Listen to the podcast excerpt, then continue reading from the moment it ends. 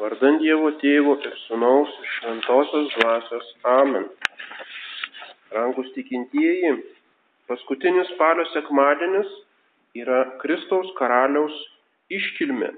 Pats Jėzus Kristus pabrėžia, kad yra karalius šios, šio, šios šventės Evangelijoje. Ir jis yra karalius išpranašautas jau Senajame testamente. Pranašas Izaijas, kuris kartais vadinamas Senojo testamento evangelistu, kadangi taip tiksliai išpranašavo daugelį vietų iš Evangelijos, rašo, juk kūdikis mums gimė, jis bus mūsų valdovas, jo viešpatavimas beribis, o taika begalinė, jis viešpataus Davido sostė ir valdys jo karalystę dabar ir per amžius. Taigi pranašas Izaijas pristato tą mesiją išganytoje kaip naująjį Dovydą, kaip naują tobulą karalių, kuris valdys ne tik Izraelio tautą ir kurį laiką kokią nors savo gyvenimo metu arba savo dinastijos metu, bet jo viešpatavimas bus beribis, apims visas tautas, visą pasaulį. Ir jo taika bus begalinė, trunkanti iki pasaulio pabaigos ir jis bus karalius jau kaip kūdikis. Juk kūdikis mums gimė, jis bus mūsų valdovas. Taigi Jėzus Kristus, Mesijas, išganytojas, yra karalius jau kaip kūdikis. Tai atspindi e, katalikiškas pamaldumas, tar, tarkim, Prahos e, Jėzus, ta stebuklais garsėjanti e, figūra Prahos bažnyčioje būtent vaizduoja kūdikėlį Jėzų kaip karalių. Atrodo, koks kontrastas. Mažas kūdikėlis, jis turėtų gulėti iš, e, ėdžiose arba e, žadinti tokį artumo jausmą, meilės jausmą, bet jis vaizduojamas kaip valdovas, kaip tas, kuriam reikia paklusti, kurį reikia pagarbinti. Ir būtent tokia yra prasmė trijų karalių šventės viešpatės apsiriškimo šventės trims karaliams, kada trys karaliai, e, lyg atstovaudami visus šios žemės karalius, būtent tą kūdikėlį pagarbina kaip savo valdovą, kaip karalių karalių ir viešpačių viešpatį. Ir būtent trijų karalių šventė buvo per visus amžius pagrindinė šventė išreiškinti tą Jėzaus Kristaus karališkumo paslaptį. Ir tik tai 20-ame amžiuje e, popiežiaus Pijos XI iniciatyva būtent buvo įvesta ta atskira iškilmė Kristaus karaliaus iškilmė. Taigi jau pranašas Izaijas taip kalba ir panašiai pranašas Danielis pamačiau tarsi žmogaus sūnų ateinantį dangaus debesimis. Jam buvo duota valdžia, garbė ir karalystė įdant jam tarnautų visų tautų, tautos ir gentis. Jo valdžia yra amžina valdžia. Pamačiau tarsi žmogaus sūnų, taigi ne vien kaip Dievas, bet kaip žmogus, kaip žmogaus sūnus, įsikūnijęs Dievo sūnus, kuris ateis pasaulio pabaigoje dangaus debesimis, jam yra duota jau dabar visa valdžia, garbė ir karalystė. Jis yra karalius, Ne tik tai, tai žydų tautai, bet visų kalbų tautos ir gentis turi jam tarnauti. Kristus karalius yra karalius kaip žmogus. Karalius įgimtąją ir įgytąją teisę, dviejopą teisę. Įgimtąją teisę reiškia iš prigimties. Dėl taip vadinamos asmeninės sąjungos tarp dieviškos prigimties ir žmogiškos prigimties viename Jėzaus Kristaus asmenyje. Jis yra kartu Dievas visoko tvėrėjas ir todėl įsikūnijęs Dievas yra visako valdovas, visos tvarinijos valdovas. Ir taip pat yra karalius įgytąją teisę dėl atperkamosios kryžiaus aukos. Savo krauju ir savo auka jis atpirko visą pasaulį, o jeigu atpirko, tai reiškia nupirko, reiškia įgyjo, įgyjo valdžią visam pasauliu. Išvadavo mus iš velnio vergyjos, išplėšė mus kaip karvedys iš tos vergyjos, nupirko savo krauju. Ir apie tai kalba pirmasis popiežius Šventasis Petras esate atpirkti nenykstančiais turtais, sidabru ar auksu, bet brangiausiųjų kraujų Kristaus, to avinėlio be kliaudos ir dėmės. Jis yra karalius visai tvarinyjei, angelams, žmonėms, visai žmonių visuomeniai ir visam pasauliui. Karalius visiems žmonėms, netgi netikintiems, netgi nekatalikams. Taip pat visoms privataus ir visuomeninio gyvenimo sritims. Jis yra atskirų asmenų, jis yra visų bendruomenių, tai yra šeimų, taip pat valstybių ir tautų karalius. Ir negali būti tokio žmogaus ar tokios ryties, kuri turėtų nepriklausomybę arba autonomiją, kuri nebūtų absoliučiai jam pavaldi.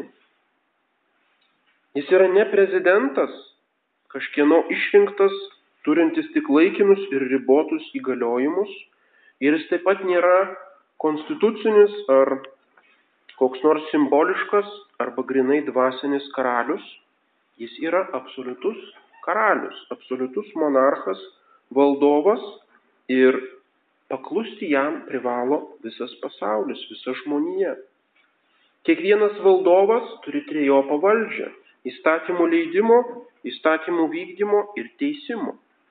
Tad karalius yra įstatymleidys, jisai leidžia įstatymus, jis nurodo, kas turi būti daroma ir ko vengiama. Apaštalas Jonas nuolat pabrėžia, kad būtina vykdyti jo teisę, jo įsakymus. Meilė Jėzui tai yra jo įsakymų vykdymas. Meilė Jėzui tai nėra pirmiausia jausmas ar emocija ir prisirišimas, o tai yra jo įsakymų vykdymas. Tai yra įsakymų vykdymas, yra meilės minimumas ir pagrindas. Tas, kas vykdo įsakymus, jau myli Jėzų Kristų ir vėliau gali kilti iki mistinės vienybės su juo. Toliau Kristus yra teisėjas. Jono Evangelijoje skaitome, Dievas tėvas atidavė visą teismą sūnui. Visas teismas atiduotas Kristui karaliui. Bus kaip žmogus, visos žmonijos teisėjas, pasaulio pabaigoje ir jau dabar yra kiekvieno asmens teisėjas e, jo asmeninėme teisme po mirties. Ir galiausiai karalius yra įstatymo vykdytojas. Jis įsteigė savo bažnyčią, savo sakramentus, duoda visas malonės, kad būtų įmanoma įvykdyti jo įsakymus, Dievo teisę, duoda visas tas priemonės, vedamos už rankos, netgi galima sakyti, kad jisai pirmiausia įvykdo per mumis, per savo malonės tą įstatymą ir tik mes prisidedame prie to įstatymo vykdymo. Taigi jis nėra toksai karalius, kuris tik užkrauna nepakeliamas naštas, bet jis vykdo tą įstatymą, jis padeda įvykdyti, duoda visas priemonės reikalingas jo įvykdymui. Ir viena iš įstatymo vykdymo funkcijų arba vykdomosios valdžios funkcijų yra karinė funkcija arba gynybinė funkcija. Taigi Jėzus Kristus kaip karalius, kaip ir visi karaliai, yra karvedys. Jis nėra toks karalius, kuris sėdi sostinėje ir siunčia savo generolus, savo karininkus, tegul vargsta, tegul kariauja, tegul žūsta. Jisai kaip tikras monarchas, kaip karalius Dovydas, kaip viduramžių karaliai žygiuoja armijos priekyje. Pats pirmasis metas į mūšį Jis savo kryžiumi išmokė mus kovoti su tais sielos priešais, su kūnu, pasauliu ir velniu. Ir mums tai reikia jį sekti, tai reikia prisijungti prie jo armijos, kaip tai gražiai, e, tam gražiai ragina šventasis Ignacas savo dvasinėse pratybose. Sekti tą karalių. Jau prisijungti prie tos pergalės, kuri jau yra nugalėta, kuri yra garantuota. Sutvirtinimo sakramentu tapome Kristaus kariais, gavome šventosios dvasios ginklus ir šarvus ir galime prisijungti prie tos kovos. Pergalė yra garantuota. Ir žinoma, Kristaus valdžia yra dvasinė. Taip kaip skaitome Jėzaus žodžius pilotui, mano karalystė ne iš šio pasaulio. Jei mano karalystė būtų iš šio pasaulio, mano tarnai juk kovotų, kad nebūčiau atiduotas žydams. Aš tada suburčiau su apaštalų pagalba, suburčiau kažkokią savo šalininkų armiją, kovočiau prieš mm, prieš tuos, kurie mane suėmė, bet mano valdžia ne iš šio pasaulio. Tačiau Jėzus Kristus nesako, mano valdžia ne šiame pasaulyje. Jis nesako, mano valdžia yra dvasinė ta prasme, kad ji neliečia tų šio pasaulio dalykų. Žinoma, jis nėra tas žydų lauktasis, kai kurių žydų lauktas politinis mesijas, kuris suburs armiją, paskirs ministrus ir kariaus prieš romėnus. Jo kovos metodai yra visai kitokie.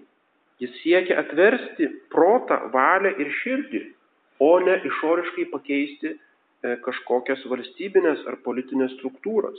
Ir jo tikslai yra dvasiniai, tai yra dangaus karalystė, o ne eilinė imperija ar kokia nors žemiška, žemiška valstybė. Jo karalystė remiasi tikėjimu, malonė, vidiniu įsitikinimu ir teisumu, o ne išorinė fizinė jėga. Tokie yra principai tos karalystės. Tačiau tai nereiškia, kad šita karalystė lieka vien dvasinėje sferoje, vien tik tai e, žodžiu ir mm, grinai dvasinėmis priemonėmis atlieka tą sielų išganimo darbą. Tikintieji Jėzaus Kristaus ją plečia visose žemiško gyvenimo srityse. Tai yra realus Kristaus karaliavimas arba kaip e, sakoma, Popiežiaus Pijos XI enciklikoje Quas primas socialinis karališkumas, tai yra visuomenės, visuomenėje karaliavimas visose vis, realaus visuomenės gyvenimo sferose. Būtent tai pabrėžia Pijus XI, įvesdamas šitą šventę Kristaus karaliaus ir mokydamas apie karališkumo esmę savo enciklikoje Quas primas, paskelbtoje 1925 metais. Ir arkivyskupas Lefebras taip pat nuolat pabrėžė tą Kristaus karališkumo aspektą, kad karališkumas ne vien dvasinis, bet socialinis, realus, realus vadovavimas e, krikščioniškų tautų gyvenimui. Ir todėl jis priešinosi antro Vatikano susirinkimo religinės laisvės doktrinai kuri yra nuvertimas Kristaus karaliaus nuo sostų arba atėmimas iš Kristaus karaliaus jo karūnos.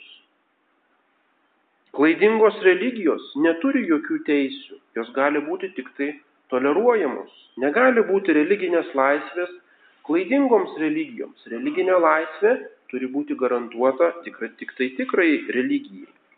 Šeimos, mokyklos, e, ekonomika, valstybė Viskas privalo būti katalikiška. Ir tai nėra e, kokia nors teokratija ar fundamentalizmas. Tai yra katalikiškas mokymas, visų laikų mokymas. Ir žinoma, neįmanoma visuomeniai primesti tos katalikiškos santvarkos, jeigu nėra vidinio tikėjimo. Ir todėl šiais laikais mes taip pat neorganizuojame kažkokių partizaninių būrių nekovojame prieš tą bedievišką valstybę, ne, nebandome kažkokiamis žemiškomis priemonėmis pakeisti dalykų tvarką, jeigu matome, kad reikia pirmiau atversti daugumą tautos, kad dauguma liaudės ir žmonių nebesupranta tų dalykų. Taigi mūsų ginklai yra dvasiniai. Be širdies atvertimo, be vidinio tikėjimo, be kažkokios katalikiškos kultūros, be krikščioniško šeimos gyvenimo, be mm, katalikiškų knygų, išsilavinimo mokyklos, be tų visų fundamentalių dalykų negali būti katalikiškos liaudės, o be katalikiškos liaudės taip pat nebus katalikiškos valdžios ir valstybės. Jeigu tautos dauguma tiki, jeigu yra katalikai, tada žinoma jinai ir išorinėmis priemonėmis gina savo tikėjimo principus visose gyvenimo srityse. Ir todėl katalikiškos valstybės visais laikais, pradedant nuo e, imperatoriaus Konstantino Romos imperijos, niekada nedvėjojo imtis fizinės prievartos prieš tuos, kurie kėsinasi greuti tą tvarką, prieš išorinės tautas, prieš pagonius, prieš eretikus, prieš um, vėliau viduramžiais, prieš islamą, kuris grėsė Niekada nebuvo pacifizmo arba atmetimo bet kokių prievartinių priemonių. Taip pat buvo krikščioniškose valstybėse teismai, buvo inkvizicijos tribunolas, buvo persekiojimas tų, kurie greuna tą tvarką. Ir visa liaudis, visi žmonės e, paremė tas institucijas. Jeigu mes paskaitytume Ispanijos istoriją, Ispanų tauta visomis jėgomis gynė inkvizicijos instituciją, kai ją bandė panaikinti Napoleonas. Nes inkvizicija jiems tiesiog simbolizavo jų katalikišką tvarką. Ir tai yra šmeištas ir propaganda, kada visos tos priemonės e, pateik pavaizduojamos vien juodomis spalvomis, kaip kažkoks beprasmis, žiaurumas, fanatizmas, kitaminčių persiekėjimas ir taip toliau. Tai visiškai kertasi su istorinė realybė. Matome, tas karališkumas turi būti konkretus, jis turi būti įgyvendintas, jis turi būti ginamas. Tačiau žinoma, taip yra tik tada, kada tautos dauguma yra katalikai. O šiais laikais, kada galbūt tik tai nominaliais katalikais yra tose kraštuose tautos, kada nesilaiko tų visų principų, žinoma, bet kokios išorinės ar prievartinės priemonės yra visiškai beprasmiškos. Neįmanoma E, Dievo meilės primesti jėga neįmanoma nuvesti į išganimą prievartą. Tačiau nepaisant to, kad esame mažuma, nepaisant to, kad esame silpni, kol kas mes turime pareigą pripažinti tą Kristaus karalystę savo gyvenimą visose gyvenimo srityse, mes turime pareigą taip pat ją skleisti pagal savo galimybės savo aplinkoje. Katalikybė juk nėra kažkokių dvasinių pojūčių mėgėjų ratelis, kur mes susirenkame ir tik tai tai, kas mums dabar patinka ar padeda, ar kažkaip mūsų širdžiai, mūsų širdį atitinka, e, tą darome, o kas mums nebepatinka, to, to nebepraktikuojame. Katalikybė yra absoliučiai išganimui būt, būtina bažnyčia, sakramentai, liturgija, Mm, bažnyčios mokymas ir visa kita. Tai yra būtini dalykai. Taip pat bažnyčia turi savo teisę, tos teisės laikymasis, Jėzaus Kristaus moralinio įstatymo laikymasis, patinka tai mums ar nepatinka, viso to privalome laikytis, jeigu esame katalikai. Ir visą tai turime skleisti, visą tai turime įtvirtinti ir ginti. Ir viena iš priemonių Kristaus karalystėje sutvirtinti yra švenčiausios Jėzaus širdies Intronizacija šeimose platinama nuo 20 amžiaus pradžios. Labai gera maldinga praktika. Intronizacija tai reiškia pasodinimas į sostą. Tai yra Jėzaus Kristaus karaliaus ir jo švenčiausiosios širdies pasodinimas į sostą mūsų namuose, lyg ant šeimos, šeimos šventovės altoriaus. Ir išorinė tos intronizacijos apieiga yra paveikslo, švenčiausios Jėzaus širdies paveikslo pakabinimas garbingiausioje namų vietoje ir visos šeimos, ne pavienių asmenų, bet visos šeimos kaip bendruomenės pasišventimas, tai švenčiausiai Jėzaus širdžiai pasiaukojimo aktas. Ir tik tai taip, pripažindami Jėzų Kristų karaliumi atskirose šeimose, Ir taip pat ne tik išoriškai jį pripažindami ir pakabindami paveikslą, bet stengdamasi laikytis to Kristaus valios, e, Kristaus karaliaus valios kiekvienoje šeimininio, profesinio, asmeninio gyvenimo srityje, tik tai taip galime vadintis tos Kristaus karalystės pavaldiniais arba piliečiais. Ir tik tai taip dalyvausime Kristaus karaliaus šlovėje per amžius. Amen. Vardant Dievo Tėvo ir Sūnaus ir Šventosios Dvasios. Amen.